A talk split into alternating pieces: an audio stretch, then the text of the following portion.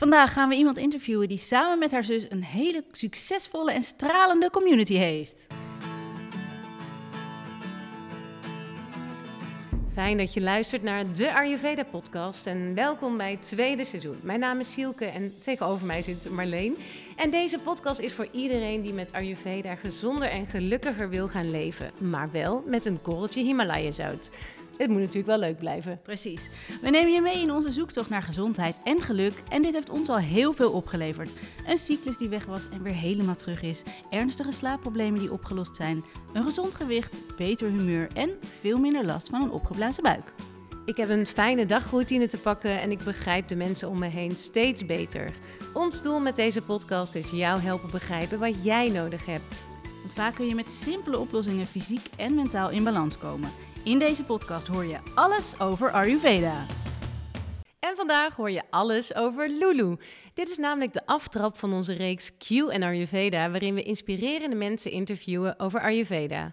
En tegenover ons zit een prachtige verschijning die de primeur heeft, Lulu Makine van Glow. Ja, het is een, eh, een kind van een Italiaanse vader en een Indische moeder. Een Ja, hele klopt. mooie mix. Geboren en getogen in de Jordaan. En samen met haar zus Isabella Maginé, ik heb altijd moeite met je achternaam, sorry, heeft ze Go With The Glow opgezet. Een self-empowerment en holistic health community voor vrouwen. Nice, jullie hebben goed jullie research gedaan. En wat is die, wat is die glow voor jou? Kan je dat uitleggen? Ja, glow betekent voor mij dat je een leven leeft op jouw voorwaarden, volgens jouw intrinsieke waarden.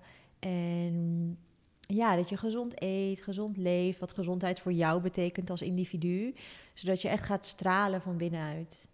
Je doet dit eh, samen met jouw zus Isabella. Ehm, hoe vullen jullie elkaar aan? Ja, het is heel bijzonder, want wij zijn eigenlijk wel een beetje yin en yang. Eh, echt twee handen op één buik. En we vullen elkaar dus goed aan op bepaalde vlakken. Maar we zijn niet als, als tegenpolen dat we niet met elkaar overweg kunnen. Dus we ja, zijn echt zussen, partners, vriendinnen. En op het ene vlak is zij misschien wat sterker en op het andere vlak ben ik wat sterker. Of eh, soms, ja, zij kan heel erg een go-getter mindset hebben en heel veel plannen willen uitvoeren. En dan ben ik soms juist weer die counterbalance die zegt van, oh, misschien moeten we even een stapje terugnemen. Dus zo houden wij elkaar een beetje in balans. dus Mooi. dat is wel fijn. Goede combinatie lijkt me. Ja, zeker. Hey, hoe kwam Ayurveda bij jou in je leven? Eh, Ayurveda kwam in mijn leven eigenlijk een beetje door de yoga.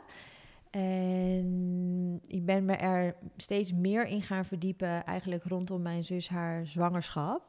Want de Ayurveda heeft een hele mooie filosofie rondom de preconceptiefase, de zwangerschap zelf en ook postnataal. Dus om mijn zus eigenlijk op zo'n best, best mogelijke manier te ondersteunen, ben ik toen een workshop gaan doen.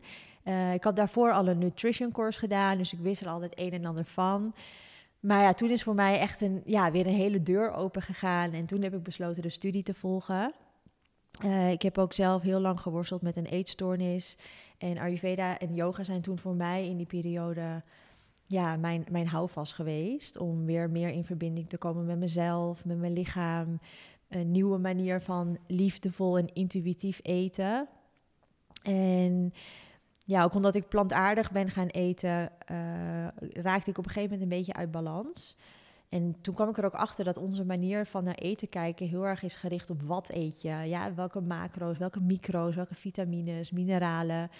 En ik kreeg op zich alles binnen, maar toch was ik uit balans. En als je het vanuit Ayurvedisch perspectief bekijkt, was er dus heel veel lichtheid en heel veel droogte. Want een, een plantaardig dieet kan heel vata disbalancerend zijn. Eh, dus je moet echt ook op dat gebied goed weten wat je moet doen. Dus toen heeft Ayurveda mij weer heel erg geholpen om weer ja, meer mezelf te worden, eh, mijn cyclus ook terug te krijgen. Ehm, ja, weer echt weer next level op te knappen eigenlijk. Zo mooi, nou, wat, je, wat je zegt, dat het dus... Dan denk je misschien dat je goed bezig bent met een plantaardig dieet. Ja. Ehm, maar dan alsnog is dat iets wat helemaal jou uit balans brengt. Ja, we kijken dus, ja, zoals ik zei, naar wat je eet. En in de Ayurveda kijk je ook naar hoe je eet, eh, bepaalde voedselcombinaties, bepaalde kwaliteiten die voeding heeft. Dus ja, ik had het net al over licht en droog. En eh, ja, dan zou je eigenlijk wat meer zwaardere, eh, meer moisty, vettige kwaliteiten willen toevoegen. Vooral voor vrouwen is het heel belangrijk om goede vetten toe te voegen voor de hormoonhuishouding. Eh, maar ook op welk tijdstip je eet is van groot belang. Dus ja, het is eh, echt een mooi holistisch plaatje wat je op alle, alle vlakken kan ondersteunen. Ja, want als ik jou dan zou vragen om in twee zinnen uit te leggen waarom mensen aan Ayurveda zouden moeten niet, maar dat lekker moeten doen. Wat zou, dat, wat zou dan jouw antwoord zijn? Ehm, ja, Ayurveda wordt ook wel de science of life genoemd. En dat is het voor mij ook wel echt. Een soort van handleiding waarvan ik vind dat we die bij geboorte hadden moeten krijgen. Ja. Ehm, ja, want buiten dat het een gezondheidsleer is, is het voor mij ook een levensfilosofie die de grootste levensvragen voor mij ja, op diep niveau hebben beantwoord.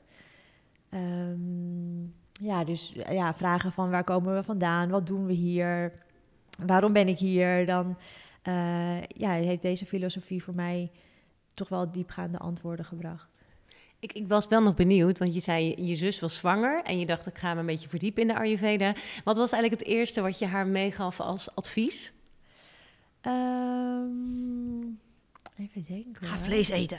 Dadels, heel veel dadels. Ja, inderdaad, die, uh, die smoothie van Dr. Led. Dus met dadels, amandelmelk, ja. amandelen en lekker veel specerijen. Maar het was toch wel de Abhyanga oliemassage. Ja. Ik heb haar ook na, kort nadat ze bevallen is, ook een uh, Abhyanga massage gegeven. Oh, wauw, wat mooi. En als, als mensen dan nu zitten te luisteren en uh, nou ja, je wil zelf ook met Ayurveda beginnen, kun jij nog herinneren wat het eerste was wat je in huis haalde? Uh, ja, ik denk toch de kitchery. ja? ja, want ik had een uh, hele goede vriendin en uh, vriend. En hij is ooit monnik geweest, een paar jaar.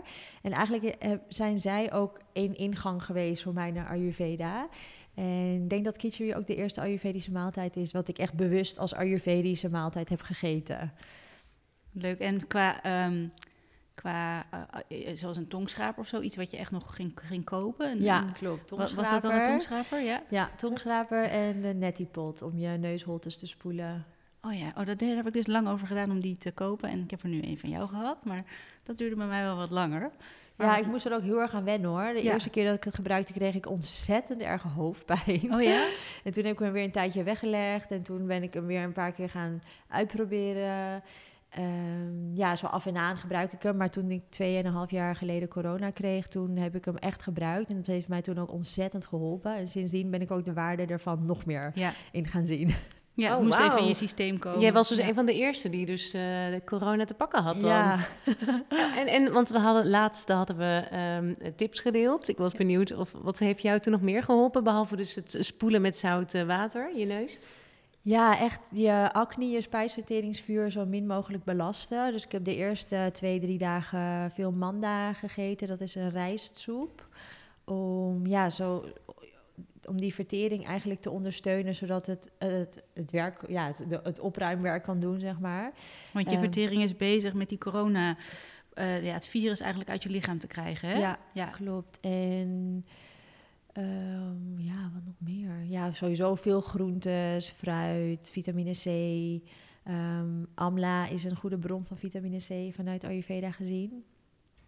Um, wat hebben we nog meer? Sorry, hier mag Ja, wij hebben toen ook, weet je, wij, wij, wij hadden zink en ik heb drie naalden in mijn hoofd gezet om mijn geur en reuk weer terug te krijgen. Dat oh, heb ik van de acupunctuur geleerd. En het werkte zo goed.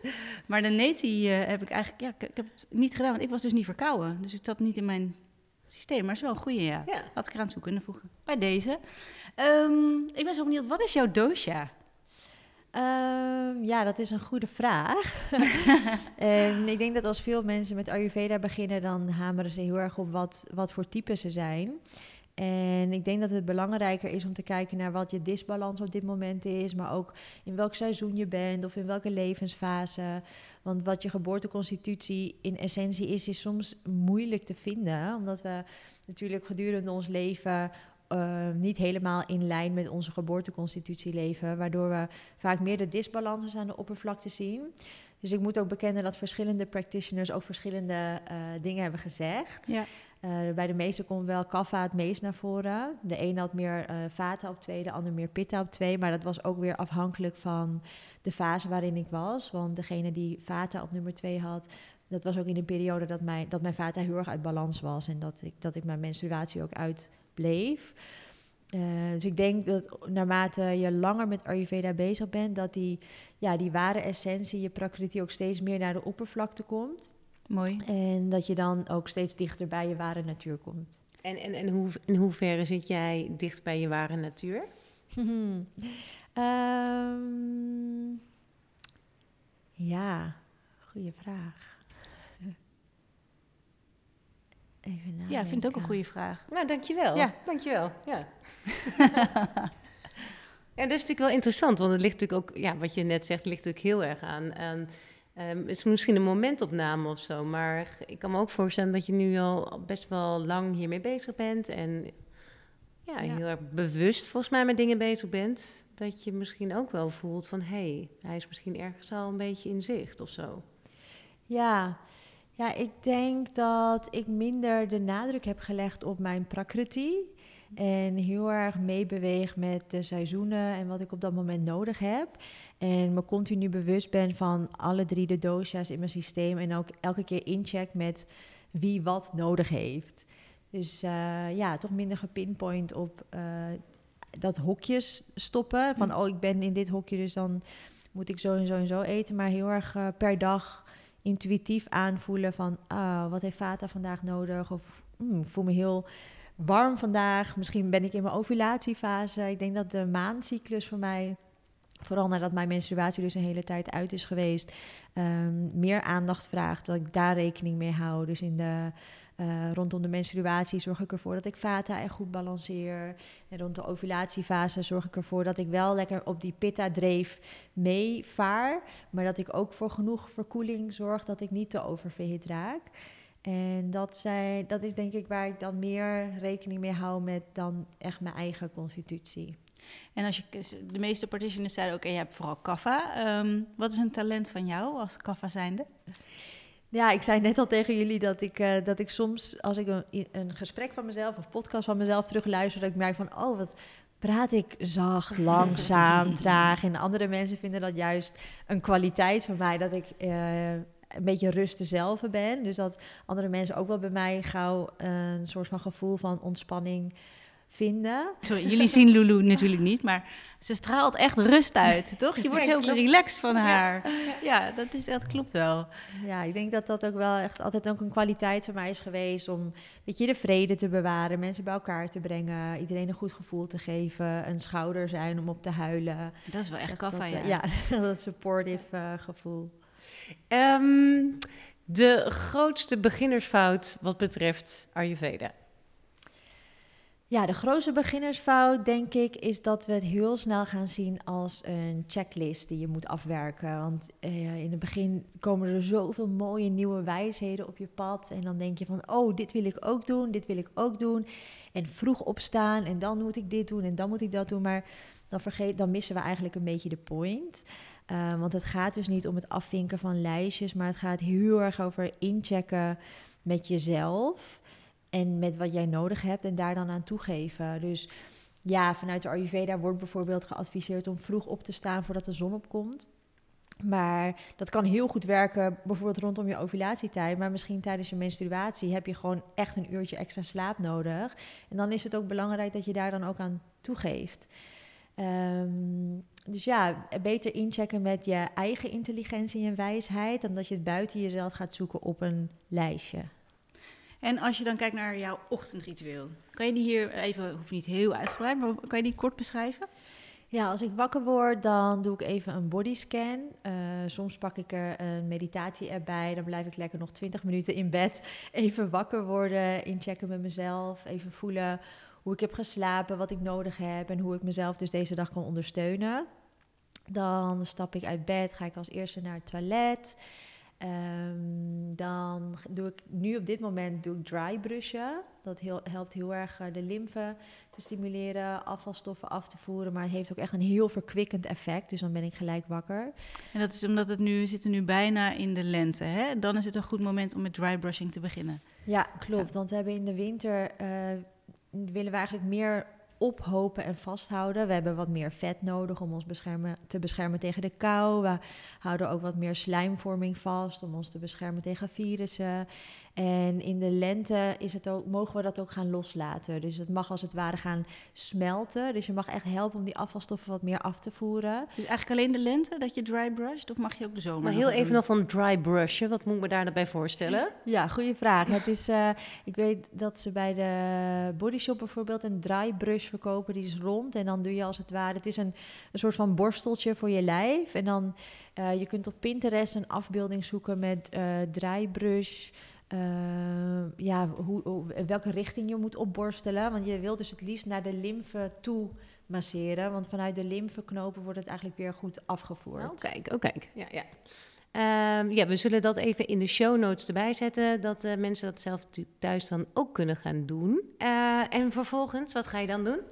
Eh, tanden poetsen en tongschrapen, want in de nacht heeft er een grote schoonmaak plaatsgevonden. Dus alle afvalstoffen worden naar de, of naar de maag-darmkanaal gebracht om afgevoerd te worden. En som, sommige worden ook naar de mond, naar de oppervlakte gebracht. Daarom ruiken we ook niet zo fris in de ochtend. Dus als eerst vind ik het fijn om tanden te poetsen, tong te schrapen en daarna pas ehm, ja, dingen in te nemen. Want je wil natuurlijk weer niet die, ja, die viezigheid die naar de oppervlakte is gekomen weer terug inslikken je maag-darmkanaal in. Eh, dus dan start ik na tandenpoetsen en tongschrapen met een glas warm water. Moet dat Eh, gekookt zijn? Ik gebruik zelf wel gekookt water, want eh, wanneer er vuurelement is toegevoegd aan het water, dan is het weer makkelijker te verteren. Dus ik, laat, eh, ik kook het water en laat ik het even afkoelen en dan drink ik het op. Eh, in de herfst, of in de, sorry, in de lentefase, dan voeg ik er soms een beetje gember aan toe. In de zomer kan je bijvoorbeeld wat korianderzaadjes aan toevoegen. Dus zo kun je ook weer kijken wat je per seizoen nodig hebt. Maar warm water is sowieso altijd een goede start. En dan beginnen we met het ontbijt, denk ik, of niet? Nou, ik heb nu de gewoonte dat ik eh, de ochtend begin met een Yoga with Adrian sessie. Hey, die kennen we. Ja, dat doe ik altijd eigenlijk eh, traditie in januari. Meestal loop ik uit tot februari, want het is dan een eh 30 dagen challenge. Voor mensen die eh, willen beginnen met yoga of het weer willen oppakken. Het is een hele toegankelijke, speelse manier om eh, ja, een yoga practice te integreren. Je kan haar op YouTube vinden, Yoga with Adrian. Ja, ik zal hem even in de show notes zetten ook. Dan kunnen, ze, kunnen de luisteraars hem eh, ook vinden. Ja, en zij start dus elk jaar met een 30, nieuwe 30 Days Challenge. En dan is voor mij ook weer even een reminder van, oh ja, weer even die practice erin krijgen. Vaak na december, in december laat ik de rituelen en routines een beetje los. En dan kan je in het nieuwe jaar weer fris starten. Dus dat is nu dan ook in mijn ochtendroutine. Maar als ik soms echt geen zin heb daarin, dan eh, doe ik bijvoorbeeld een sportlesje of een wandeling. Maar ik zorg wel dat ik 's ochtends even in beweging kom. Eh, het liefst voor het ontbijt. Maar dat hangt ook weer per dag af hoe ik me voel. Eh? Ja, en dan zijn we natuurlijk ontzettend benieuwd, omdat jij zoveel van voeding weet. Wat eet jij op een dag? Ja, ik eet eigenlijk probeer ik elke dag wel heel gevarieerd en iets anders te eten. Ook simpelweg omdat ik zoveel dingen lekker vind dat ik geen dag hetzelfde wil. Eh, maar soms is het eh, een warm havermout ontbijtje met lekkere specerijen en gestoofde appel of gestoofde peer. Soms kan het ook wel een smoothiebol zijn. Ehm, nou is het niet heel ayurvedisch om fruit te combineren met andere voedingsmiddelen, maar dan probeer ik hem ook simpel te houden. Dus bijvoorbeeld banaan, avocado, een beetje plantaardige melk en spinazie. En dan doe ik daar wat cacao-nips op en bijenpollen. Of ehm, ja, de havermout wissel ik ook vaak in voor andere soorten granen. Bijvoorbeeld gierst of boekweit of quinoa-vlokken. Want we eten hedendaags best wel eh, hetzelfde, veel hetzelfde. Heel veel mensen eten bijvoorbeeld elke dag havermout, maar het is zo zonde, want in andere granen zitten ook weer andere voedingsmiddelen. Ehm, ja, en als je kijkt, terugkijkt naar de jagers en verzamelaars, aten zijn natuurlijk veel gevarieerder, omdat ze echt van plek naar plek verschoven. En ik denk dat onze darmflora daar dan ook op ehm, ingesteld is, om heel veel verschillende nutriënten en voedingsstoffen binnen te krijgen en dat we daar ook het best op floreren. En dat verschil kan hem al zitten in een appel. Hè? Als je bijvoorbeeld gewend bent om altijd een rode appel te pakken, pak ook eens een keer een groene, want daar zitten ook weer andere voedingsmiddelen in. Ehm, dus ja, variatie is voor mij eh, echt key. En of het dan warm of minder warm is, eh, beïnvloedt dan ook weer wat, voor, wat de maaltijd is. Ja, Maar die dadelsmoothie van Dr. Let vind ik ook altijd wel een hele lekkere om de dag mee te starten. Je begint al helemaal zo te, te stralen als je er over nadenkt. en ontbijtje of lunchje altijd warm. En, en is dat altijd je grootste maaltijd? Ja, nou, het is grappig. In principe is lunch de grootste maaltijd, maar eigenlijk eet ik s'avonds weer een grote maaltijd. ik hou gewoon heel erg van eten, dus er zit ook wel wat pitta in mijn systeem. maar ja, de middag sowieso wel echt warm en uitgebreid. Um, ik heb een hele fijne thermosfles. Ik vind het ook heel fijn om ochtends gewoon soms uitgebreid te koken. En dan neem ik dat lekker mee en dan heb ik uh, s smiddags een warme lunch. Maar soms als ik op werk ben, dan haal ik ook graag bij een uh, tentje die hele lekkere warme maaltijdsoepen verkoopt. En dat ook elke dag vers maakt met verse ingrediënten. Dus dat vind ik ook een uh, goede optie. En vaak s'avonds eet ik met mijn vriend samen. En ja, soms kan het ook zijn dat we een pizza eten of pasta, want dat is meer zijn jam. Maar daar kan ik zelf ook ontzettend van genieten, want ik heb natuurlijk ook Italiaanse roots. dus, ja. Uh, en leeft hij Ayurvedisch? Mm, not really. hij heeft wel eens, uh, ja, hij heeft bijvoorbeeld wel echt een consistente ochtendroutine voor zichzelf. Uh, het bijzondere is dat we allebei wel bezig zijn met uh, persoonlijke ontwikkeling en spiritualiteit, maar op een andere manier. Vanuit mij ja, is het heel erg inwaarts en voelen wat ik nodig heb. En kan misschien een beetje als, ja, ik zou niet zeggen zweverig, maar het is wat intuïtiever.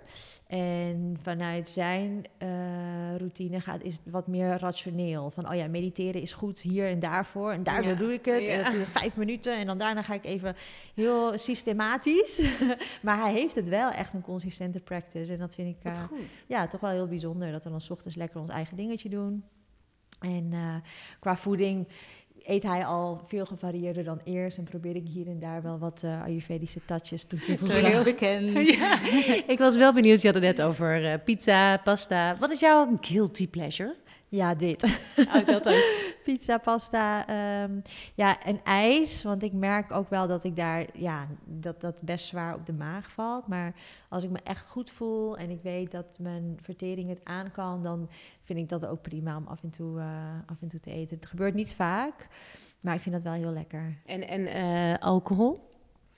Um, ja, eigenlijk heel zelden. Ik denk misschien twee keer per maand dat ik één of twee glaasjes drink. En dan uh, vaak een limoncello cocktail. Dus limoncello met uh, prosecco. Ja, alles op zijn Italiaans. Dat heeft jouw vader natuurlijk helemaal erin. Uh.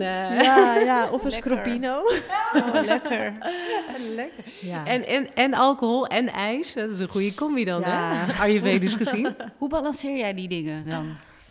Um, of niet? Ja, nou, omdat ik dus een tijd heel streng ben geweest voor mezelf en een eetstoornis heb gehad en heel erg uit balans ben geweest, heel rigide ben geweest met uh, plantaardige voeding, vind ik het, ben ik er nu achter gekomen dat balans en gezondheid voor mij dus betekent om daar ook wat soepeler in te zijn. Um, toen ik de vorige keer, uh, ja, ik heb nu onlangs ook weer corona gehad, maar toen ik het 2,5 jaar geleden had, toen voelde ik ineens dat ik heel erg zin had in zalm. Nou, ik had echt al jaren, meer dan twaalf jaar denk ik, geen vis gegeten. Maar ik, mijn, lichaam, mijn lichaam riep erom. Dus toen heb ik dat ook gewoon gegeten. Heel erg tegen mijn principes in, met heel veel schuld. Maar ik heb daarna een test gedaan en toen bleek ook dat ik omega tekort had. Dus ik vertrouw ook gewoon oh, wow. heel erg op mijn lichaam en wat het Mooi, aangeeft. Bijzonder. En ik vertrouw ook heel erg dat als ik echt in alignment ben met mezelf en lekker in mijn vel zit. Um, dat mijn dosa's in balans zijn. Als ik voel van, nou, ik kan nu alcohol drinken, dat dat dan ook een, ja, een, een, een pure uh, niet is. Precies, dus als ik voel dat ik alcohol mag drinken, dan mag ik dat gewoon. ja, precies. yes! En uh, um, uh, heb je nog één tip als je alcohol drinkt wat je kan doen, Ayurvedisch gezien, om de schade een beetje te beperken? Ja, met elk glas alcohol drink ik wel een extra glas water bij. Ja. En ik neem ook een magnesiumtablet bij. En ik zorg er dan voor dat ik het ook goed kan afvoeren. En de volgende dag weer lekker veel donkergroene bladgroentes, um, brandnetelthee. Ja, maar ook. de volgende dag dan voel ik heel erg dat ik zin heb in een pizza. Mm. en, en dat mijn lijf, mijn lijf vraagt daar dan om. ja, ja, ja meestal, meestal is het dan ook weekend, dus dan neem ik ook wel eens een pizza.